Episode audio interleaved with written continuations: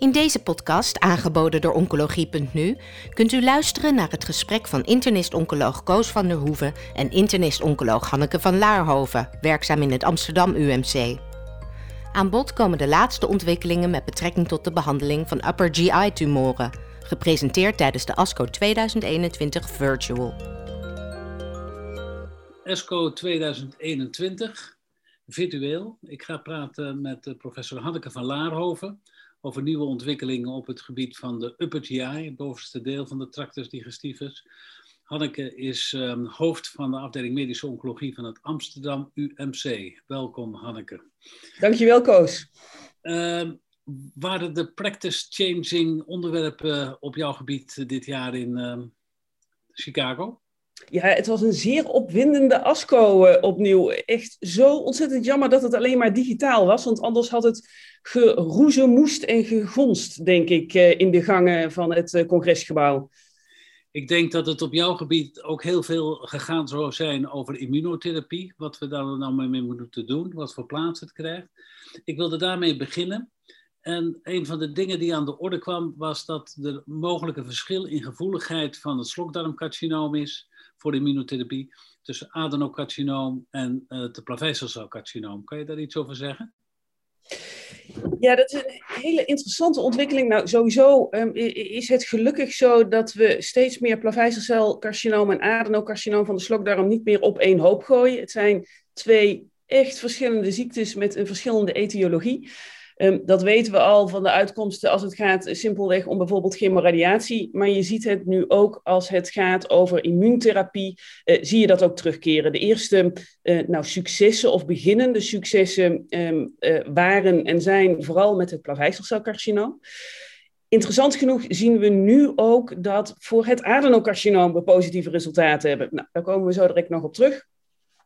Wat wel ook interessant is om te zien, is dat zelfs bij de plaveisselcelcarcinomen het relevant is uh, om ook naar het immuunmicromilieu te kijken. Met andere woorden, dat je ook daar ziet dat bijvoorbeeld PDL1-expressie wat natuurlijk niet eens zo'n hele erg goede maat is. Maar goed, dat zelfs daar ook uh, het uitmaakt of je PDL1-positiviteit hebt of een combined positive score in vergelijking met helemaal niet iets. Maar het lijkt dus inderdaad zo te zijn dat de plaveisselcelcarcinomen meer baat hebben van immunotherapie dan de adenocarcinomen.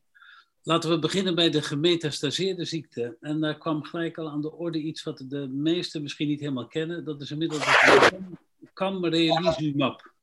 En dat werd vergeleken met chemotherapie bij het oesophagus-carcinoom. Kan je iets vertellen over wat voor stof camrelizumab is? Ja, cambrelizumab, dat is er eentje inmiddels uh, in een serie van checkpoint inhibitors. Uh, dit is een PD-1-remmer, uh, met name ontwikkeld in Azië. Daar zijn ook de eerste positieve studies um, in de latere lijn voor plaveisselcelcarcinoom gerapporteerd. En nu op deze ASCO werd een eerste lijn studie gepresenteerd. Cambrelizumab met chemotherapie. Die chemotherapie backbone die is overigens nog wel interessant. Dat is namelijk paclitaxel met cisplatin. Dat is niet zo heel erg gebruikelijk voor ons. En dat werd vergeleken met alleen chemotherapie. Um, dat was een, het, het, was een combined primary endpoint, progressievrij survival, overall survival, en die was significant, 15,3 maanden versus 12,0 maanden. Nou, hartstikke mooi, heel goed, maar met name een Aziatische studie, waarbij nogmaals camrelizumab ook met name in Azië wordt gebruikt. Um, het interessante is wel dat we meteen ook nog een andere studie hebben natuurlijk in plaveisselcelcarcinoom. En ik weet niet of we daar meteen al naar door mogen stappen. Je bedoelt de checkpoint 648? Ja, zeker. Dat is een uh, ook ontzettend interessante studie en met name ook voor de Nederlandse praktijk denk ik uh, potentieel practice changing. Um, studie ook in de eerste lijn voor patiënten met plaveisselcelcarcinoom gemetastaseerd, waarin uh, twee verschillende vergelijkingen zijn gemaakt. Nivolumab met chemotherapie versus chemotherapie. En in dit geval is de chemotherapie backbone 5FU met cisplatinum. En de tweede vergelijking die is gemaakt, dat is nivolumab met ipilimumab versus chemotherapie. En inderdaad, je hoort het goed, nivolumab plus ipilimumab, dat is dus zonder een chemotherapie backbone. Ja de eerste vergelijking, dat is denk ik wat echt het verschil gaat maken uh, in Nederland. In die zin dat um, daar gekeken is naar de groep patiënten, uh, nou de hele groep patiënten. Dan zie je een hazard ratio van 0,74, 13,2 maanden overleving versus 10,7. Um, maar kijk je in de groep van de PDL1 positieve, dus meer, uh, 1% of meer positiviteit, dan zie je een verschil van 15,4 maanden versus 9,1 maanden. Hazard ratio 0,54. Nou, dat zijn natuurlijk fantastische getallen. Ja. Overigens wel belangrijk, dit gaat over PDL1-expressie, niet omgerekend in de CPS-score. Uh, dat is natuurlijk iets waar we inmiddels wat, wat meer uh, gewend zijn om naar te kijken. Tenminste, uh, dat is zover ik het begrepen heb uit, uit de presentatie. En een ander belangrijk detail is dat als je kijkt naar de subgroepanalyse, is dat vrouwen geen voordeel blijken te hebben. Ja. En dat is nog wel een punt van aandacht en zorg. En dat, dat komt eens te meer tot uitdrukking in de, uh, in de tweede vergelijking, dus de nivolumab, ipilimumab versus chemotherapie. Ook daar zie je in de groep patiënten met PDL1-expressie dat dat voordeel geeft. 13,7 maanden versus 9,1, hazard ratio 0,64. Allemaal prachtige, voldoet aan alle, alle criteria van de Pascal-criteria. Maar als je kijkt naar de hele populatie, dan lukt dat eigenlijk niet. 12,8 versus 10,7 maanden. Je ziet ook dat er een kruising is van de survival curves. Dat betekent dat er dus een groep patiënten is die in het begin nadeel heeft als ze nivolumab met ipilimumab krijgen en niet chemotherapie. En dat geldt eens te meer voor de vrouwen. De vrouwen hebben in de subgroepanalyse hebben echt nadeel van de combinatie nivolumab ipilimumab. Nou, wat betekent dit nu allemaal? Uh, nou, ik denk dat als wij straks eenmaal nivolumab plus chemotherapie kunnen geven, dat dat de behandeling van keuze wordt in de eerste lijn voor patiënten met een plaveiselcelcarcinoom met PDL1-expressie. Ja. Over de vrouwen moeten we nog even nadenken. Het chemotherapievrije schema is denk ik alleen interessant voor die patiënten die echt een hele sterke contra-indicatie hebben tegen chemotherapie. Ik vraag me ernstig af of we dit nu bij alle patiënten moeten gaan doen en zeker niet bij de vrouwen. Maar heel spannend is hoe dit verder gaat. En wat ik zelf ook nog wel, wel interessant uh, vind, is we zijn nu langzaam maar zeker steeds meer van de cisplatin aan het afraken, wat denk ik vanuit patiëntvriendelijkheid zeer, uh, zeer plezierig is. Ja, nu hebben we toch weer een studie met cisplatin en 5FU. Ik vraag me ook af wat we daarmee moeten en of we dit niet um, um, gewoon zouden moeten overschakelen op, uh, op CAPOX. Maar dat gaat ook nog wel een, een discussie opleveren. Ja, maar zeg maar de uitkomsten, hè, drie tot zes maanden verschil, dat, dat, is, dat is eigenlijk in deze patiëntengroep toch wel indrukwekkend. Fantastisch. Dat zou wel eens practice changing kunnen zijn. Ja, zeker. Ik stap even over naar de patiënten met het adenocarcinoom. Want bestudeerd werd de rol van de immunotherapie bij het adenocarcinoom van de maag, overgangstype en het adenocarcinoom van de slokdarm. Uh, ook daar niveau plus chemo versus chemo. Wat waren daar de resultaten van? Ja, ook hier um, echt um, fijne resultaten waar we, waar we op hebben zitten wachten voor dit tumortype, zal ik maar zeggen. Resultaten waren deels al eerder gepresenteerd uh, op ESMO. Daar werd met name zijn uh, toen de resultaten gepresenteerd van de groep met een combined positive score van 5 of hoger. Um, en wat je daar zag in die groep was dat de uh, overleving 14,4 versus 11,1 maanden was. Hazard ratio van 0,7. Kortom, dat is wat we zouden willen, willen zien. En wat nu ook werd gepresenteerd waren de resultaten voor de hele groep en de kwaliteit van levendata. Nou, eerst die uh, resultaten voor de hele groep. Wat je daar ziet, is dat de hele groep um, ook wel voordeel heeft. Uh, namelijk 13,8 versus 11,6 maanden. Hazard ratio 0,8. Um, en de conclusie die de auteurs en zelfs ook de discussant op de, op de ASCO uh, trok, was dat deze resultaten betekenen dat de combinatie Capox met nivolumab dus voor de hele groep geschikt is. Ja, ik ben het daar eerlijk gezegd niet zo mee eens. Met name als je kijkt naar de groepen met een, met een CPS-score van kleiner dan 1. Dat wil zeggen, dat is dus ongeveer uh, niks. Ja, dan zie je dat de survival 13,1 versus 12,5 is. Met een hazard ratio van 0,92. Ja, ik denk dat de conclusie dat nivolumab voor iedereen is, niet ondersteund wordt door deze data. Maar ja, er is dus wel zeker een subgroep ook bij de adenocarcinomen, die er wel voordeel van heeft. Nou, en dan komen ook de kwaliteit van levendata er nog bij kijken. En wat ze daar lieten zien, was dat patiënten geen last hadden van de toevoeging van nivolumab. Dat is eigenlijk de korte samenvatting. Nou, ja. dat is mooi. Nou, um, zeg je al, um, ja, het is heel veelbelovend. je denkt dat het een plaats moet krijgen in Nederland, moet nog wel goed naar gekeken worden. Maar die, die overlevingswinst die zit toch heel vaak in de orde van ongeveer drie maanden. Maar zit er een, een staartje aan? Zitten er hele lange overlevers bij? Dus is er een groep die er heel langdurig profijt van heeft? Ja, er zitten lange overlevers bij. Overigens zitten er ook lange overlevers bij de chemotherapie alleengroep. Um, dat, dat is ook wel interessant, hè? dat vergeten we soms. Dat, dat uh, zelfs bij zo'n akelige ziekte als uh, dat dat soms lukt. Alleen ja, de lange overlevers zijn er inderdaad wel meer uh, bij de combinatie met nivolumab. Oké, dat is de gemetastaseerde ziekte. Uh, ja, ook als de mensen een primair in opzet curatieve behandeling hebben gehad, dan komt de ziekte toch nog eigenlijk veel te vaak terug. En dat brengt de vraag altijd naar de adjuvante therapie weer op, in dit geval ook van aminotherapie. En de checkmate, de checkmate 577, die bestudeerde de rol van nivolumab als adjuvante behandeling bij het oesophaguscarcinoom. Wat waren daar de resultaten van? Het, het, was opnieuw een goede ASCO voor, uh, voor Nivolumab. Um, ook hier overigens waren een deel van de resultaten al gepresenteerd um, uh, op ESMO en zijn ze inmiddels ook gepubliceerd in, uh, in de New England.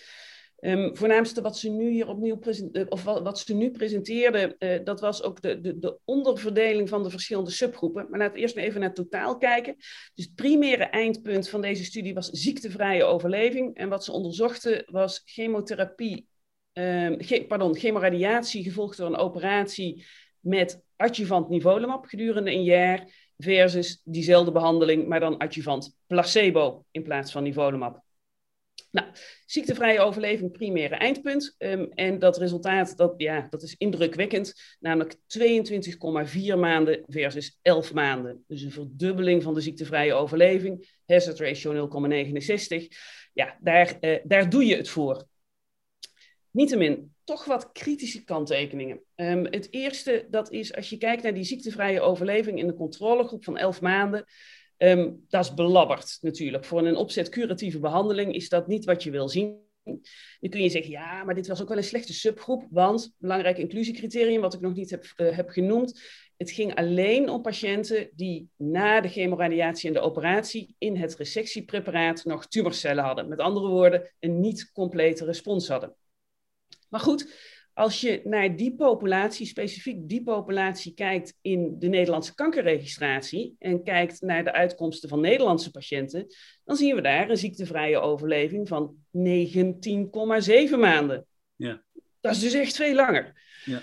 Kun je zeggen, we zijn in Nederland niet gewend om CT-scans te maken, dus daarmee um, uh, pikken we de, de, de, de recurrences misschien minder gauw op. Nou, fair enough. Maar de vraag is natuurlijk of je daar dat, die acht maanden verschil mee kunt verklaren. Dat betekent dat ik echt heel erg graag uiteindelijk ook overal survival data zou willen zien. Ja. Nou, en zo zitten er ook een paar, paar, paar, paar ja, vreemde zaken in de subgroepanalyses. Bijvoorbeeld, ze zien in de controlegroep eigenlijk geen verschil tussen de adenocarcinomen en de plaveisselcelcarcinomen. Terwijl, hè, daar begonnen we deze podcast ook mee, je juist bij de plaveisselcelcarcinomen eigenlijk meer respons zou willen zien. Ja. Um, nou, dat, dat, dat, zien ze niet zo duidelijk terug. En wat ze zien is dat het verschil tussen de adjuvant nivolumab versus placebo met name gedreven wordt door de slokdarmcarcinomen. En niet of nauwelijks door de junctiecarcinomen. Ja. ja, dat begrijp ik eerlijk gezegd ook niet zo goed. Kortom, er zitten nog een aantal um, haken en ogen aan die we niet zo goed um, snappen. Um, neemt niet weg dat het overal resultaat van deze studie natuurlijk wel echt heel erg mooi is. Met um, ja, toch een, een, substantiële ziektevrije overlevingswinst. Dus adjuvant in deze studie 11 maanden uh, verschil in progressievrije overleving. Maar nog geen data over overall survival. En toch wel een aantal vragen of de controlegroep echt wel de goede is. Dus dat zal nog wel eventjes op zich wachten voordat we dit in de praktijk uh, echt uh, een, een plaats zullen gaan geven. Bij bijna alle kankersoorten is het zo dat uh, na het adjuvante ook het neoadjuvante komt. En het slokdarmcarcinoom onderscheidt zich daar niet van. Wat was nou de rol van pembrolizumab als u dat toevoegt aan neoadjuvante chemotherapie bij het slokdarmcarcinoom? Dat was ook een interessante studie, met name omdat die eh, mogelijk wat licht ehm, zou kunnen ehm, eh, doen schijnen op ook hoe we met, met, met die adjuvantenbehandeling uh, om moeten gaan. Dit was een, een studie die werd gepresenteerd met pembrolizumab in dit geval neoadjuvant gegeven met chemoradiatie en daaraan vooraf gegaan nog door twee kuren chemotherapie met pembrolizumab versus, en dat werd gerandomiseerd gedaan, um, alleen chemotherapie. En dat, dat laatste stuk, dat was met name ook om uh, een grote hoeveelheid translationeel onderzoek te kunnen doen. Nou, ik denk dat dat uiteindelijk ook het belangrijkste gaat zijn van deze studie. Want wat liet deze studie zien? Dat ze met deze combinatie van pembrolizumab met chemoradiatie um, majeure responsen konden krijgen in ongeveer de helft van de patiënten, uh, pathologische uh, responsen. Dat ging overigens niet over pathologisch complete responsen, maar echt over majeure responsen. Zeg maar 80% van, uh, van alle tumorcellen weg. Ja, en de, de, vraag is hoe je dit, dit moet duiden. Want zelfs als je in, in, in de CROSS-studie kijkt, hè, onze, onze oude neo-adjuvant chemoradiatiestudie, dan zie je dat als je mandaar 1 en 2, dus uh, de complete responders en best een ontzettend goede responder uh, samenneemt, dan zit je ook al op zo'n 40%. Dus wat dit nou precies toevoegt, uh, dat weten we niet zo goed. Wat we wel zien, opnieuw bevestigd, is dat als je een hele goede respons hebt, dat je het uiteindelijk qua survival ook echt substantieel beter doet. Ik maar dat was bekend ook van andere studies. En dat was ook bekend. Andere medicijnen. Ja, wat je wel um, uh, ziet, en dat zie je overigens ook in die Checkmate 577 waar we het net over hadden, dat het zo lijkt te zijn dat de patiënten die de meeste benefit hebben van de chemoradiatie, dat dat ook de mensen zijn die de meeste benefit hebben van adjuvant nivolumab. En datzelfde lijkt je terug te zien in de neo-adjuvante studies. Een studie die wij zelf hebben uitgevoerd, de zogenaamde PERFECT-studie, was chemoradiatie met atezolizumab. Ook daar zag je dat die patiënten die de beste respons hadden, het het beste deden qua survival. En in vergelijking met een koord van de Nederlandse kankerregistratie ook het meeste effect van immunotherapie leken te hebben. Nou, dat past natuurlijk ook allemaal in het plaatje. We weten dat hoe vroeger, hoe eerder je immunotherapie kunt geven, hoe groter de effectiviteit is. Dus wat dat betreft klopt het, uh, klopt het allemaal weer netjes. Oké, okay, dus wel een interessante studie met uh, ook wel veel informatie. Maar nog te vroeg om te zeggen dat we dat in de praktijk moeten gaan toepassen. Ja, deze gaat nog niet het verschil maken. We gaan er een hoop van leren, uh, maar niet onze dagelijkse praktijk omveranderen. Dan uh, wilde ik nu met je overstappen naar uh, chemotherapie. Daar zijn we meer bekend mee. En dat gaat dan over met name de galwegen. Uh, cisplatine en gemcitabine, dat is eigenlijk al jaren eerste lijnsbehandeling bij het niet resectabel of het gemetastaseerde galgangcarcinoom. Dat wordt wel vaak gegeven, maar die resultaten zijn eigenlijk ontzettend matig. Er is uh, echt een behoefte aan een nieuwe behandeling daarvoor. En er werd een tweede lijns behandeling uh, besproken met liposomaal irinotecan. Wat kan je daarvan zeggen? Ja, de NIFTY-studie was dit. Inderdaad, tweede lijns gemethaniseerd uh, bij alle soorten biliary tract cancer, dus intrahepatisch, extrahepatisch en um, um, um, galblaas. Um, dat was een studie waarbij gerandomiseerd werd tussen nal-iri 5-FU leucovorin versus alleen 5-FU leucovorin. En die liet, uh, ja, het was gewoon een positieve studie. Pro progressievrije overleving 7,1 versus 1,4 maanden. Nou, dat, ja, nou, daar zou je weinig... Een verschil. Ja, hoef je weinig ja. tekst aan te besteden. Toch is er nog wel iets over um, um, te vragen. Um, namelijk, we hebben namelijk ook de ABC-studie van, ik denk vorig jaar... waarbij we voor een meer westerse populatie, want dat is wel belangrijk, de NIFTY-studie was met name een Aziatische studie, voor een meer westerse populatie um, eenzelfde vergelijkbaar effect zagen met uh, Volvox. Uh, ja. Wat je in, dus inmiddels ook als tweede lijns therapie kunt gebruiken. Ja, en de grote vraag is nu natuurlijk, wat moet je doen? Uh, Volvox, Capox of Nal-Iri, 5FU, Leucovorin? Ja, en het eerlijke antwoord is, uh, dat weten we niet, want er is geen direct vergelijkende studie.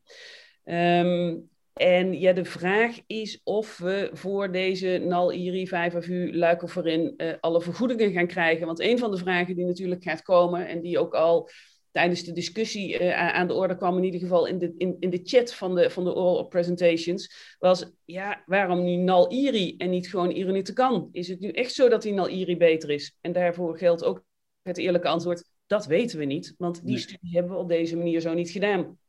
Zijn die studies wel in, de, in, de, in gang?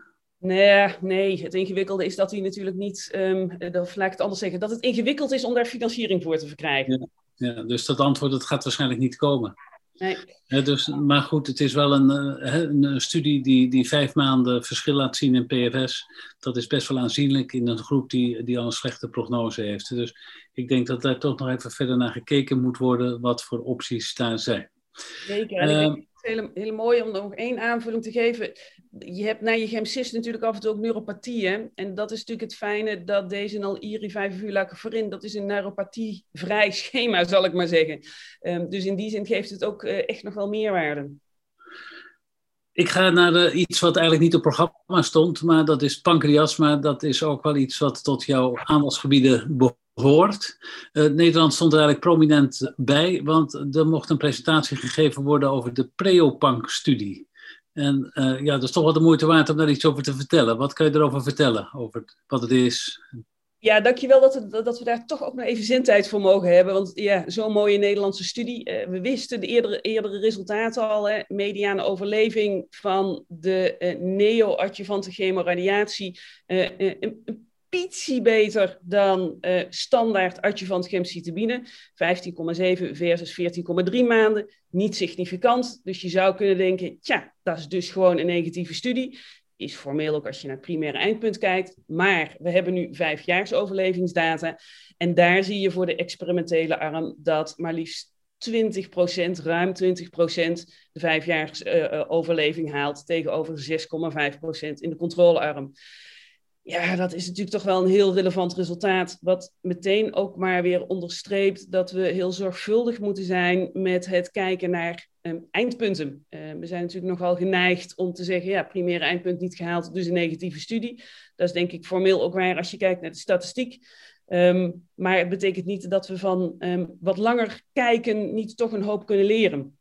Vertel nog kort iets over de inclusie voor die uh, Pleopank-studie. Dus preoperatief gemcitabine en radiotherapie voor operatie. Precies, dat is denk ik ook een hele belangrijke. Het is een, het is een, nou, een perioperatieve studie om precies te zijn. Dat wil zeggen, er wordt voor alle patiënten die resectabel zijn of borderline resectabel volgens de criteria van de DPCG, werd neoadjuvant gemcitabine gevolgd door gemcitabine met radiotherapie, weer gemcitabine gegeven en dan een operatie gevolgd door nog, nog adjuvant gemcitabine.